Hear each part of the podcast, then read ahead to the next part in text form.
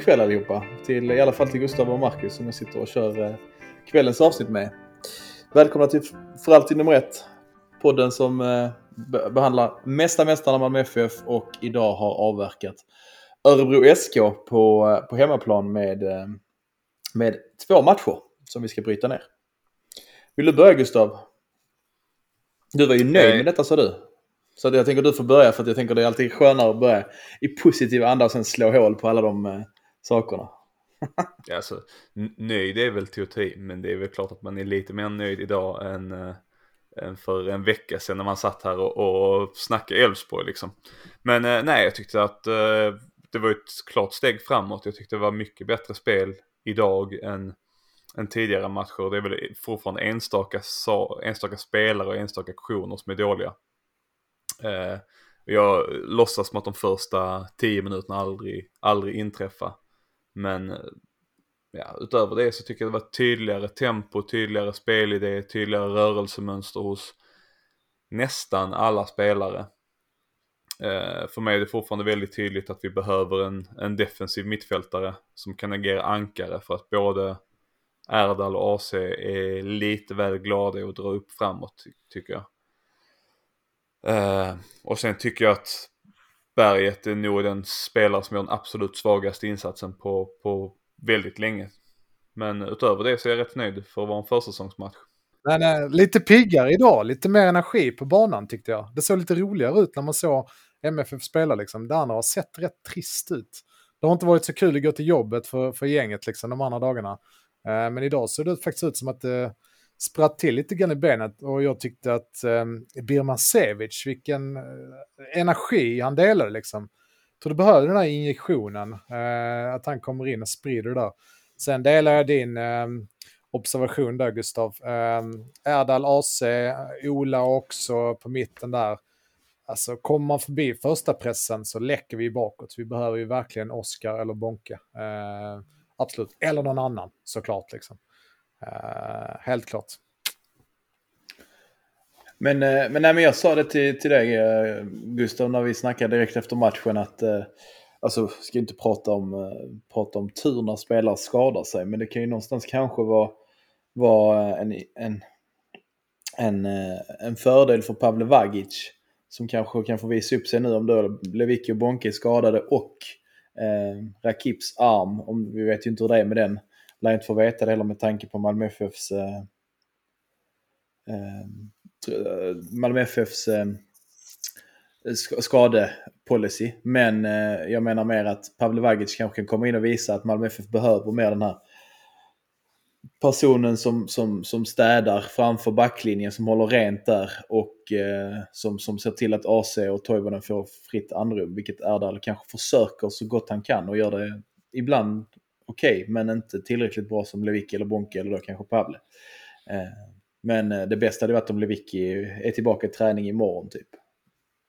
Han har aldrig varit en spelare heller, Erdal. Och alltså i min mening, nu har jag verkligen varit långt ifrån en skicklig fotbollsspelare, men en defensiv mittfältare är en ganska svår position. Så det är inte bara så att man går och sätter den från dag ett, liksom, för det gäller verkligen att ligga rätt i linjerna. Och det kräver, ehm, ja, du får liksom inte bli överspelad för då står du, kommer ett anfall mot en backlinje som kan vara oskyddad då helt plötsligt. Liksom. Speciellt om några, några mittback eller några ytterbackar har stuckit uppåt så blir det lite tunt. Så att, ehm, ja, det, det, det behövs eh, Oskar Bonke eller något annat helt enkelt. Eh, för att eh, det ska se lite tajtare utåt bakåt. Annars så läcker vi där. Speciellt i, i dagens MFF tycker jag där det är liksom Erik Larsson gillar att gå framåt. Eh, Knudsen gillar att gå framåt. Då, då kan man liksom inte ha två, de två centrala mittfältarna som också gillar att gå framåt, gillar att ta skott och, och slå den avgörande passningen. Då kanske en måste vara den som ja, men slår den enkla sidledspassningen och, och bara ja, men tänker kanske defensivt trots att det är ett bra läge att gå offensivt. Och det är där jag tycker att Oskar Lewicki har varit otroligt bra egentligen för att ja, ibland kanske låg passningsprocent, ibland miss, missar den avgörande passningen men han dyker alltid upp som högerback när Erik Larsson är för långt fram eller vänsterback när Safari eller Knudsen var för långt fram eller fan till och med som mittback om någon av dem har stuckit iväg. Eh, och det är verkligen den tryggheten man behöver nu att man kan låta spelarna blomma ut ordentligt om man säger så. Eh, och, och ändå ha täckning. Ja, men för det är intressant så som du säger det, för det är exakt det som, som man ser nu saknas ju. Men sen är det ju roligt, vi, vi fotbollssupportrar vi gnäller ju om att vi spelar med, med liksom Bonke när vi ska föra matcher och vi spelar med Lewicki när, när, när, när han har varit usel på passningarna framåt. Liksom. Men, ehm, och det är väl lite det som, som, som när vi diskuterat Antonsson, eh, Gustav, tidigare, som jag någonstans också vill hävda att allting handlar kanske inte om svart och vitt, passningsprocent och, och Y-scout-siffror eh, i, i, en helhet liksom. Utan det är ju supertydligt att det krävs ju även eh, även som du sa var inne på Marcus, att man inte har någon supergedigen fotbollsbakgrund som tränare eller kan det bättre än Jon Dahl Tomasson. Det fattar man att man inte kan. Men, men eh, någonstans så, så blir det väldigt tydligt i sådana här matcher och framförallt den här försäsongen när man helt avsaknad spelat utan defensiv mittfältare. Spelat med två offensiva balansspelare liksom. Ja visst ja. Och det där är något som du, det är så intressant att du nämner det. För att om man tittar tillbaka de senaste åren i allsvenskan och så läser man Sydsvenskan etc. Liksom, då, det blir ju alltid mycket hets mot Lewicki. Att liksom, ja men han gjorde en bra match men han syntes ingenting. Han är stabil bakåt så här, supportrarna vill ha mer liksom. Men där, den där positionen är så viktig att det jobbet sker i det tysta. Det är han och Bachirou. Bachirou syntes väl lite mer liksom. Oskar har inte den spelstilen. Men det är väldigt uppenbart just nu när vi inte har honom på plan hur viktig den är för att balansera, balansera spelet. Du kan liksom inte ha Ola, eller kan och kan, det såg vi idag, men det, det blir svårt att vara ett stabilt och tryggt lag om man har Ola, om man har AC, man har Birmancevic snabb som ett skott på ena sidan, du har Erdal som sticker liksom mycket mer box till box. Eh, så att, eh, jäkligt viktig Oscar eller liknande spelare. Eh, nu hoppas jag ju mest att Oscar kommer tillbaka, att vi får se honom i allsvenska premiären, men spelartypen är viktig. Ja men exakt, och, och, och det du säger handlar ju kanske främst om, eh, tänker jag, Europaspelet ändå. Även om det har sett, sett knackligt ut mot Västerås och Gais och så, så såg det väl bättre ut mot Halmstad, som ändå är ett allsvenskt lag. Eh, såg väl helt okej ut idag också. Eh, och hade, hade ju lätt kunnat bli 3-4-1 om man hade haft lite, lite flyt stolpe in istället för, för att ribba ut som, Colak hade. Men, men framförallt i Europa tror jag inte man kommer kunna spela överhuvudtaget med. Och det är inte planen heller gissar jag. Eftersom att vi har ju Bonke och Lewicki och de kommer vara tillbaka. Men det, det, visar ju ändå en dimension hur viktig, hur viktig den rollen faktiskt är i ett, i ett eh, Malmö FF som, eh, som vill gå framåt, som vill vinna.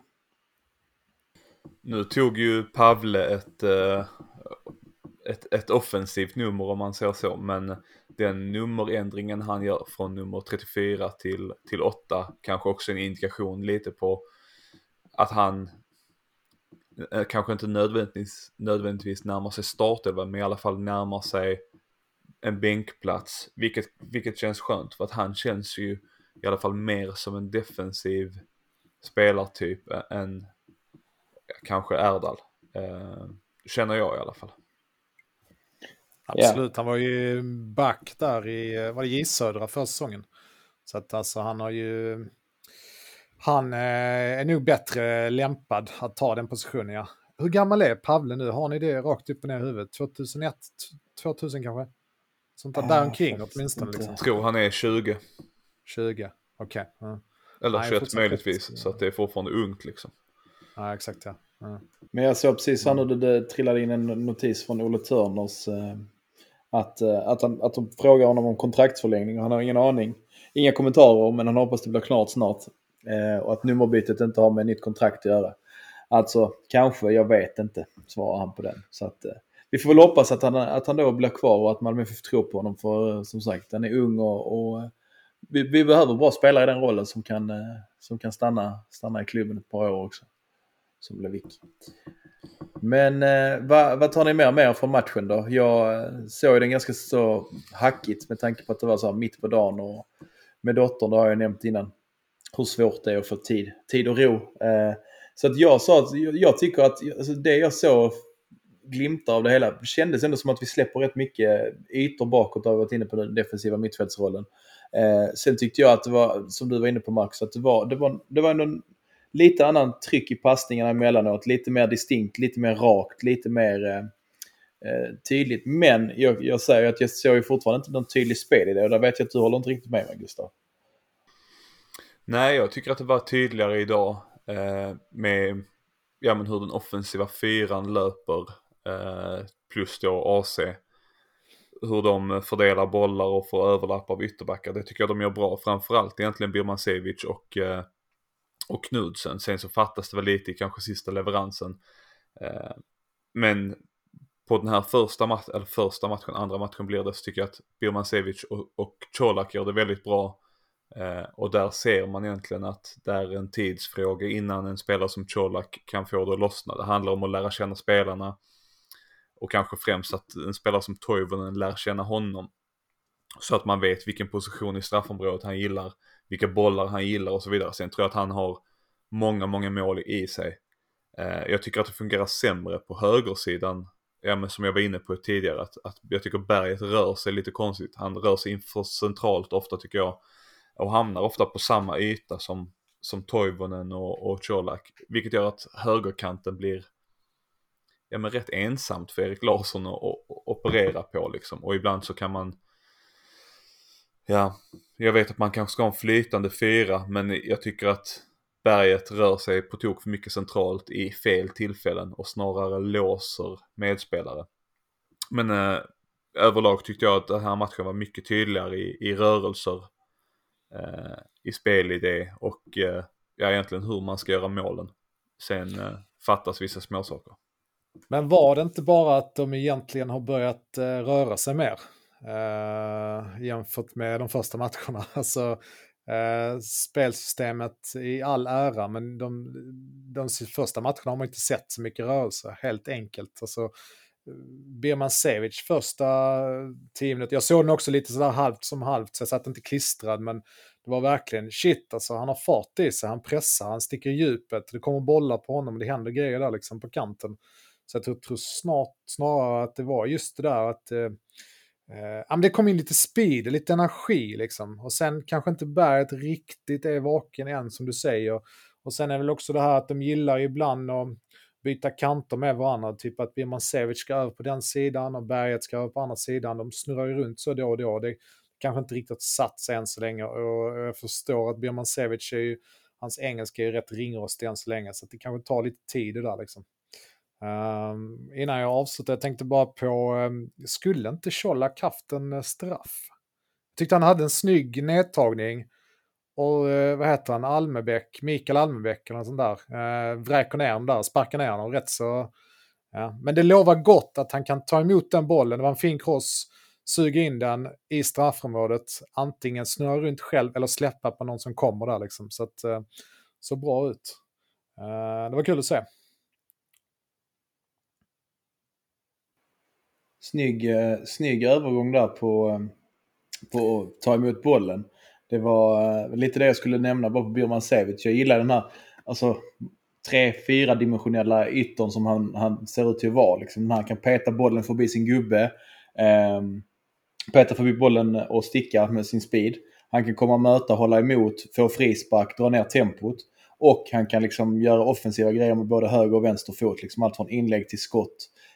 Um, och då den här, kombinerat med den här rörligheten gör att han kommer bli alltså, helt livsfarlig. Och det, det är ju bara en tidsfråga innan han drar på sig två gubbar uh, som måste dubbla honom uh, eftersom att de inte vet vad han ska göra. Liksom. och då blir det ännu mer ytor för, för övriga i, i, i frontfyran om vi säger så. Då. Tror ni att vi har ett litet window of opportunity nu här i början när han inte är så scoutad? att det kan bli en liten chock för våra motståndare de första matcherna. När han väl har spelat tio matcher då har de fattat liksom okej, okay, han är snabb och kvick och han kan utmana. Eller är det redan så att de eh, är på, med på noterna här från match nummer ett liksom? Jag tror de har, jag tror de har gjort samma scouting som vi supportrar. Liksom. Alltså tänker jag att ja. de har ju koll och Y-scout och Instat och alltså så. Eh, de har ju inte, de har inte kanske liksom haft ner någon och kollat matcherna. Det är ju svårt. Men, men sen samtidigt tror jag de ser liksom där två mål första matchen. Eh, när de ser denna matchen ser de att, ja men oj, det är en spelare på samma sätt som de ser att Colak kommer vara alltså riktigt svår och riktigt eh, jobbig att, att ha att göra med eftersom att han han kan ju vara helt osynlig långa stunder, sen kan han göra jättebra sekvenser. Lite som Kjartansson, eh, alltså vibben där får man ju att han, han behöver nog bara en boll in i straffområdet. Det dröjde inte många minuter innan han hade den, ribb, eller den räddningen, tippningen över målvakten och sen någon i ribban ju. För lite så är det med fotboll också, att du vet, de här spelarna har ju mött varandra ganska många gånger. Eh, och det kommer man själv ihåg, att man visste att okej, okay, men han kan ta, han kan ta. Han är svår, här behöver jag hjälp liksom. Uh, utan att jag har några meriter av rang. Men man visste ju om det liksom. Här kommer Björn Semic som ett litet wildcard. Så att det är ju många som kommer ha svårt att veta exakt hur ska de tackla honom de första matcherna innan de knäcker det liksom. Om de nu knäcker det. Vi får hoppas att de inte gör det ju såklart. Grejen, jag tycker du är inne på en bra sak där nu att det är rätt många spelare i MFF nu som man kanske behöver, som man behöver dubbla nästan. Eh, det är både alltså Toivonen AC och möjligtvis då Birmancevic om han har om man kan liksom fortsätta på det här breda registret han visar upp idag kan vara spelare som man behöver nästan sätta ganska tätt två gubbar på alltid. Plus då att man har berget Colak, Rex, eh, Rakip och, och ett gäng andra spelare till som kan komma in och, och sätta problem för motståndarförsvar. Så att det är rätt många spelare som kan hålla en backlinje sysselsatt på en hög nivå. Det är liksom inte en spelare som är tydligt fall neråt där man kan ja men lättare ha en en mot en match liksom. Eh, men jag gillade just det i Birmancevic som du var inne på att han kunde gå både på utsidan, på insidan och liksom hitta bra passningar i inläggs, inläggslägen och så. Så det kan nog bli riktigt farligt om vi lyckas omsätta det så småningom. Hur är det med språk där? Det är uh, han och uh, han kan snacka med ett par i laget. Anell, vilka, har ni koll på vilka det är? Han, uh, för att hans engelska är ju rätt så skral här nu i början. Det borde väl vara Anel, uh, Nalic, kanske, Pavle. Nalic, just det. Pavle uh, Colak såklart. Ja. Sen vet jag inte hur det är med Rakip. Ja, just det. Ja, jag tänker bara vikt, viktigt, han, viktigt han kommer in där i det snabbt liksom. Jag frågade det på Clubhouse när Josef var med, men eh, jag kommer inte riktigt ihåg vad han sa. Eh, jag för mig att det var som finska och svenska något och något var som norska och svenska och något var som danska och svenska. Så, att, så att eh, det, det, är nog inte helt solklart att det är alla dem i alla fall. Men eh, hur som helst så vet vi att det var någon ju. Eh, jag, tror det, jag tror det kan vara Pavle som pratade, pratade bra om honom. Liksom. Men jag tror, att, jag tror att han får så pass mycket hjälp av, av Malmö FF. Där, där är nog MFF jäkligt proffsiga. Det har nog hänt lite sen eh, Hasse Mattisson eh, körde skånska med Afonso Alves. Eh, men eh, nej, men vad fasen. Alltså, jag tänker så här att den här matchen, det, det, eh, det blir 1-1 och det, det är klart att det är ett fall framåt även det. Men jag tycker någonstans att, att vi skapar fler chanser, bra chanser för att göra mål. Och det känns som du var inne på i början där Gustav, lite, lite lugnare och det, det känns också lite tydligare som du nämnde Marcus med, med, med spelet. Det var liksom lite mer, en lite mer eh, injektion att allsvenskan snart börjar och man känner sig inte lika orolig längre. Sen har man gärna vunnit, det ska man inte sticka under stol med. Det är ju ändå Malmö FF och en, en söndag en söndagkväll liksom. Eller ja, eftermiddag. Nej men så är det. Men, men det är väl ett ganska skönt tecken på att nu börjar man uh, växla upp i... Ja men det handlar inte längre om att hitta matchtempo. Utan det handlar om att hitta form nu. Det handlar om att hitta var målet står och var, var lagkamraterna rör sig. Det handlar inte om att hitta liksom 90 minuters spring i benen längre. Uh, för det är ju det, det, är det som det kanske har varit de tidigare matcherna. Speciellt det det har snackats om lite grann i media. Att de första matcherna handlar mer om att hitta tempot, hitta motståndare, hitta eh, matchkänslan. Eh, nu är vi en månad bort, inte ens en månad, vi är, vad blir det, tre veckor bort från premiär. Nu är det läge att hitta, hitta toppformen och hitta nycklarna för att vinna matcher liksom. Och vi har ju också bara Göteborg eh, inbokad träningsmatch kvar nu nästa fredag, om jag inte minns helt fel. Och sen när det kommer påsk där. Eh, och där, eh, jag läste lite snabbt där innan vi möttes upp nu att det snackas om en intern match då för att hålla alla på gång. Liksom. Man behöver ju spela en match till innan Göteborg, eller förlåt, efter Göteborg innan premiären. Så att, men det börjar ju verkligen, det börjar närma sig.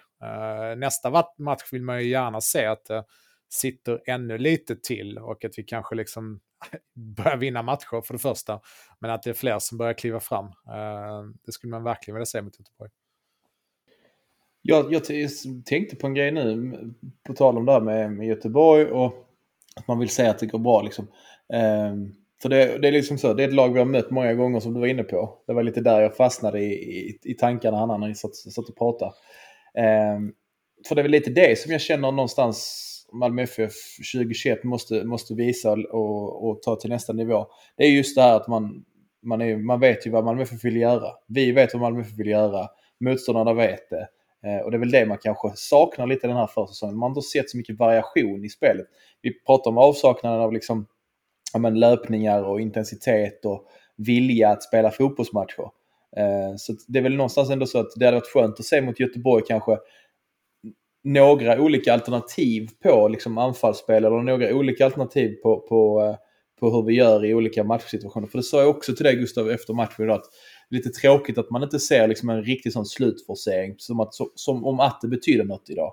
Eh, är ni med att man tränar på den här liksom full, eh, full blown eh, ja, forcering när det står 1-1 hemma mot Örebro.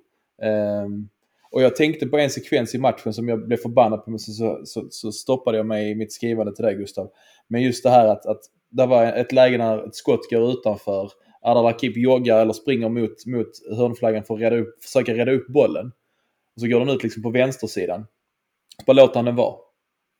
Är ni med? Att han, han, han kunde sprungit snabbt bort, tagit en snabb hörna och bara liksom gjort någonting, någon intention eller någon, gått på en, liksom en ren inställning som Trent Alexander-Arnold i, i, Champions League när han slår in den snabba hörnan. Liksom. Eh, mest bara för att också testa någonting som skulle kunna vara en, en allsvensk match där det liksom, du ligger redan under med 1-0. Ja, vi måste vända det här, gör något snabbt.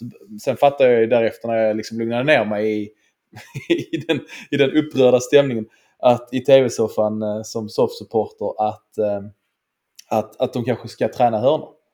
Så att, eh, alltså, är ni med? Men någonstans hade man ju velat se lite sånt mot Göteborg. jag älskar det insticket, träna hörnor. Perfekt. Men jag tänkte på en reflektion där, jag tror så här, alltså jag fattar helt vad du menar, liksom. man vill ha det där snabba. Alla minns väl när Adi Nalic eh, såsade av planen i eh, var det 2-0 underläget Wolfsburg hemma eller 1-0 underläget? Eh, någonstans där, liksom, hur många som blir upprörda. Men jag tror aldrig du kommer få det i en träningsmatch. Alltså det där sista lilla tagget, eh, de där 10-15 procenten. Ja, det behövs liksom tävling, helst publik på läktaren, lite stämning. Åtminstone för att sådana som typ eh, Ola, Berget, ett par andra ska få det där sista lilla tagget. Liksom. Men eh, jag fattar helt vad du menar, man vill se det. Man vill se hungern liksom i deras ögon. Bara eh, skrika efter tre poäng och fler mål framåt. Ja men då kanske också bara du vet den här att, att han, han kommer på det i sin sinnesnärvaro. Alltså att ja. han, han, är halvvägs ut till hörnflaggan. Han har en högerfot, han kan slå en inåtskruvad. Alltså ni vet bara det här att man kan se att shit men han, han var påkopplad där. Det var skitsnabbt uppfattat och bra gjort. Eh, sen kanske den här situationen var helt liksom egentligen, alltså att jag är helt ute och cyklar. Men, men det var tydligt för mig där då och jag kanske förmedlar någon form av tydlighet vad jag menar. Vad vill du säga Gustav? Du hade någon instick på den eller? Nej, egentligen inte på det. Det var mer en annan sak om, om matchen. För jag tänker att vi rundar av det här nu. Men det är om, om inkasten. Jag tycker att de har spelat ut sin roll fullständigt just nu. För att när vi får dem på offensiv tredjedel så tar det en och en halv minut. Motståndarna samlar sig, drar ner sina nickstarka spelare i straffområdet och rensar undan. Alltid. De inkasten är ju bra och funkar när de tas på mittplan för att sätta igång ett anfall snabbt. Man ser att det är en mittback kvar och Birmancevic typ går i en löpning. Så som vi såg förra säsongen när vi faktiskt gjorde mål mot eh, i, i eh, Europakvalet. Jag minns inte exakt mot vilket av eh, lagen det var. Då gjorde vi ett mål på exakt det sättet inlägg på, eller inkast på egen planhalva nästan som sätter igång ett snabbt anfall. Men de här långa hörnliknande inkasten, alla vet ju vad som ska hända. Och visst, det är klart man kan vinna nickduell och nicka in det, men äh, apropå variation, där kanske vi måste titta på att ha någon variation. Eh, att inte bara alltid ställa upp för ett jätte, jätte, jättelångt inkast som kan rensas undan lätt. För det blir lite statiskt. Eh, det blir väldigt uppenbart att läsa. Plus att kom ihåg att vi har ju inte Isak Kiese i år.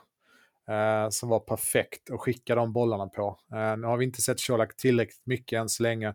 Ola är väl inte heller jättekass liksom i luften. Det är klart han kan ta emot dem, men Isak Kistelin var ju perfekt där. Så att eh, jag är helt, eh, jag fattar helt vad du menar. Det kom ju ett rappt inkast i början av eh, matchen. Jag vet inte om ni minns det. Jag tror det var AC som slängde det mot eh, Birman Semic och vi kom nästan loss och sen gör han en dribbling och får till ett bra skott också. Det där vill man se lite oftare, om ni minns den sekvensen, eh, inledande delen av matchen. Eh, det gick snabbt, liksom, och motståndaren var inte alls vaken. Och vi får liksom ett bra läge som målvakten räddar ut till en hörna sen. Så att, eh, mer sånt istället för de här långa inkasten som tar två minuter. Man ska torka av bollen och knyta skorna och alla hinner backa hem och hela det spelet. Liksom. Men det var väl bra summerat. Var det, lite det jag menar med, med just hörnan där också. Att han hade kunnat göra det snabbt, sätta tempo på det, överraska Örebro. Inte lyckas slå ner alla de, de uh, huvudstarka liksom, forwards eller yttermittfältarna som inte hade hunnit ner. Liksom. Det är samma princip med inkasten. Så att uh, bra, då, då har vi dagens liksom, tips till, till Malmö FF. Uh, där. För, för den femsekundersregeln som de kör med pressen, ni vet, det här att de ska återvinna bollen. Det måste vara samma kvicket i tanken när man har en hörna och det är ett bra läge. Det är mm. liksom ingen mening med att samla hela gänget då, utan passa på att vara lite rapp där liksom. Gött.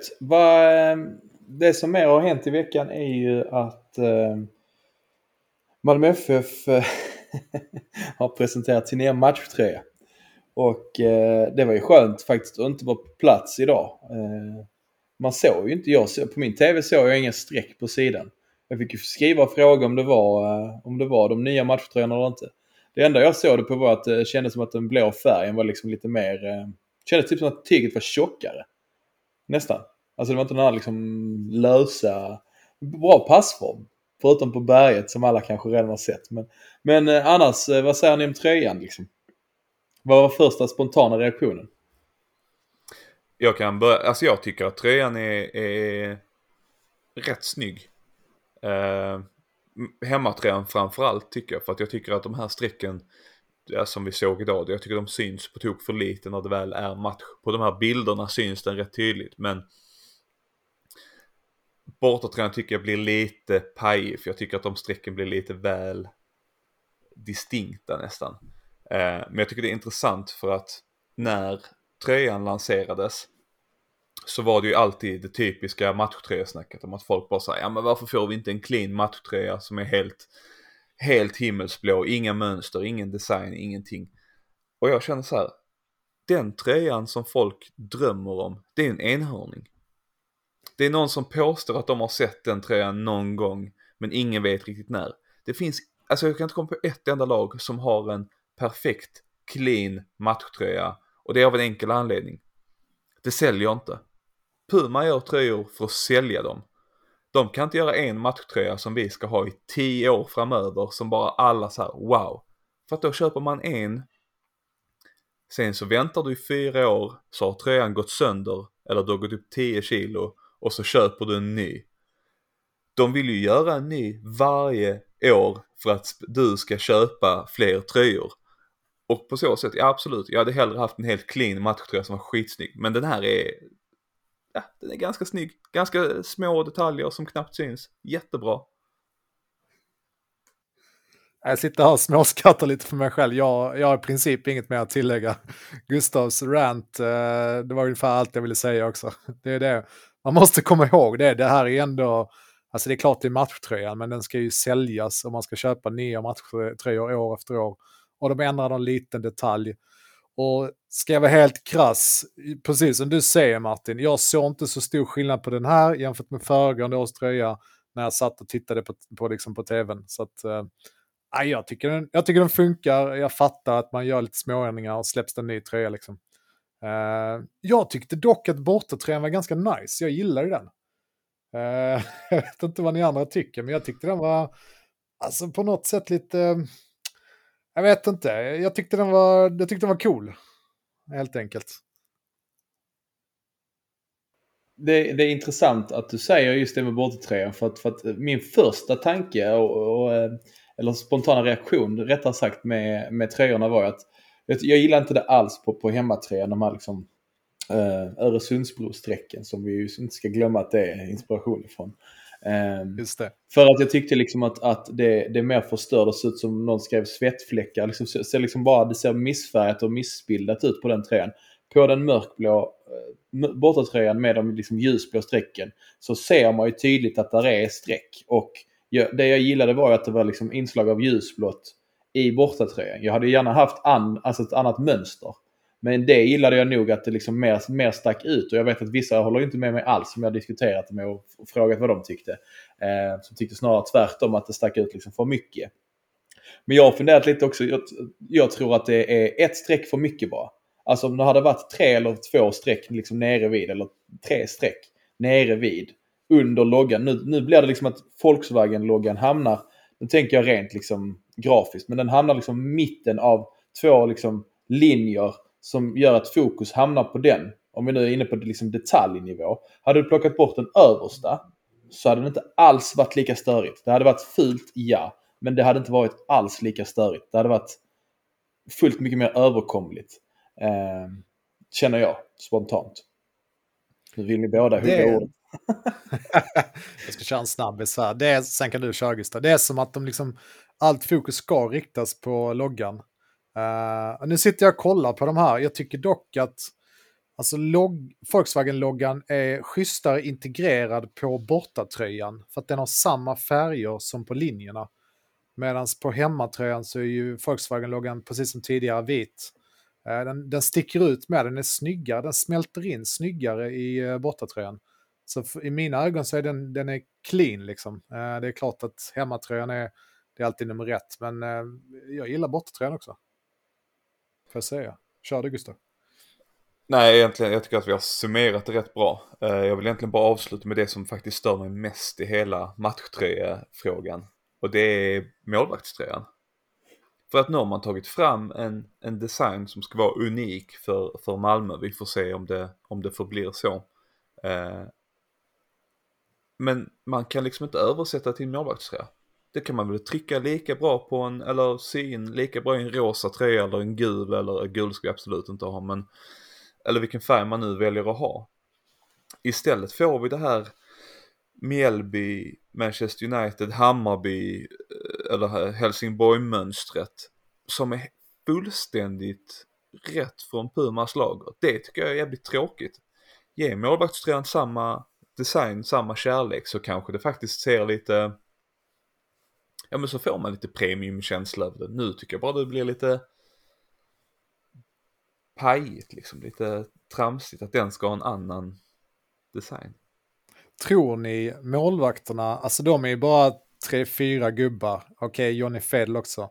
Men tror ni de får eh, trycka till om färgen? Färgen på målvaktströjan är mycket mer flexibel än vad den är på hemmatröjan. Alltså, vi, kan, vi kör ju bara en färg liksom. That's it. Men målvakterna kan här, ja men fan i år kör vi gul. Det är, det är min favoritfärg. Att de liksom snackar ihop sig och får lägga någon röst. Eller det är, är någon annan som bestämmer det eller hur funkar det liksom? Ja, jag, jag tror ju inte de är med. Alltså, de, de får kanske val mellan rosa, eh, orange och, och röd. Sen så kör de liksom två av dem, alltså som borta Ja. hemma. Alltså. Men jag vet ju det, min syster är målvakt i, i Elitettan och hon eh, hade ju någon, någon tränare eller någon, någon sån förr i tiden som sa det att de ska ju ha så, så, alltså så ögats färg dras ju typ så till rött och rosa och, och, och orange typ. Alltså först. Så det, det, är- det är ofta sådana färger du ser på målvaktströjor av den, av den enkla anledningen. Liksom. Att eh, skytten ska ju se målvakten alltså i, i skottögonblicket. Eh, för att göra- det ska se stort och eh, farligt ut. Eller vad man nu ska säga. Så att, eh, men jag Man kanske skulle köra tvärtom annars och ha en så diskret Grön. färg som möjligt så att anfallaren inte ser målvakten så att man tror att så här, ja men det här är öppet mål, jag kan lägga bollen löst och, och, och, och, och enkelt i mål liksom. Slappnar av. Men en, grön, en helgrön dräkt eh, hade väl Johan Dahlin eh, någon säsong. Jag vet inte hur det gick den säsongen. Och det hade ju han eh, Bobby, vad heter han, Bobby Allain, målvakten Ja. i ÖISK idag, han hade ju en grön. Så att, eh, nu vet jag att det inte här står på agendan, men jag vill bara lyfta, på tal om Marcus som du nämnde där Martin, han räddade en straff idag. Det var riktigt kul att se.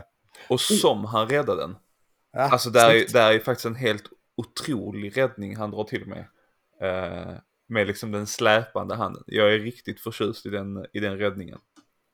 Men jag tänker att vi, vi håller där på Örebro. Vi håller där på tröjan om vi inte har något mer att tillägga. Och sen, vet ni vad vi mer har gjort idag? Mål på frispark för första gången sen, vad var det, Wolf Eikrem 20, nu gissar jag killgissning 16. Något Och du har jättefel. tjatat. Ja, Vi gjorde mål Nej. första mars förra året på frispark. just ja. Men det, ja, just ja, det, vi har ju fortfarande inte gjort det i tävlingsmatch. Nej. Det var det, Det var, var... det var tävlingsmatch. Det var kuppen mot Karlskrona. Knudsen. Just Var, varför har det varit sånt jävla snack om det då? Därför att folk har glömt den för att det, det är mycket Det roligare räknas, att vi inte har gjort jo men det räknas ju inte för det var ju inte en direkt frispark väl? Var inte det som Jo. segling? Ja fast det, det är ju Det frispark in i mål fast det är ju tanken att vara ett inlägg. Det är bara Exakt, exakt, exakt. Så det, rä- så det räknas ju egentligen inte eftersom att alltså du lägger inte upp bollen för att skjuta där han gjorde sitt mål utan det var ju en sån tavla. Men, men frågan är om inte detta här också är en tavla som vi då inte ska räkna. Eh, Okej, vi behöver inte räkna det men det var i alla fall en boll som någon la upp som, som sköt mot mål och den gick i mål och det tycker jag vi ska vara glada för. Och det är en bra frispark också. Alltså den är inte hård, men den är, och den är inte sjukt bra placerad. Men den är liksom tillräckligt hård och du har en studs en meter, en och en halv innan som gör att målvakten kommer få jätte, jättesvårt att rädda den. Så att, eh, ja, verkligen, den satt eh, snyggt. Och vet du vad det allra bästa med frisparken är? Att den är innanför ramen. ja men det är bra. Men eh, boys för sen, ska vi hålla där? Jag vet att Gustav är svinhungrig.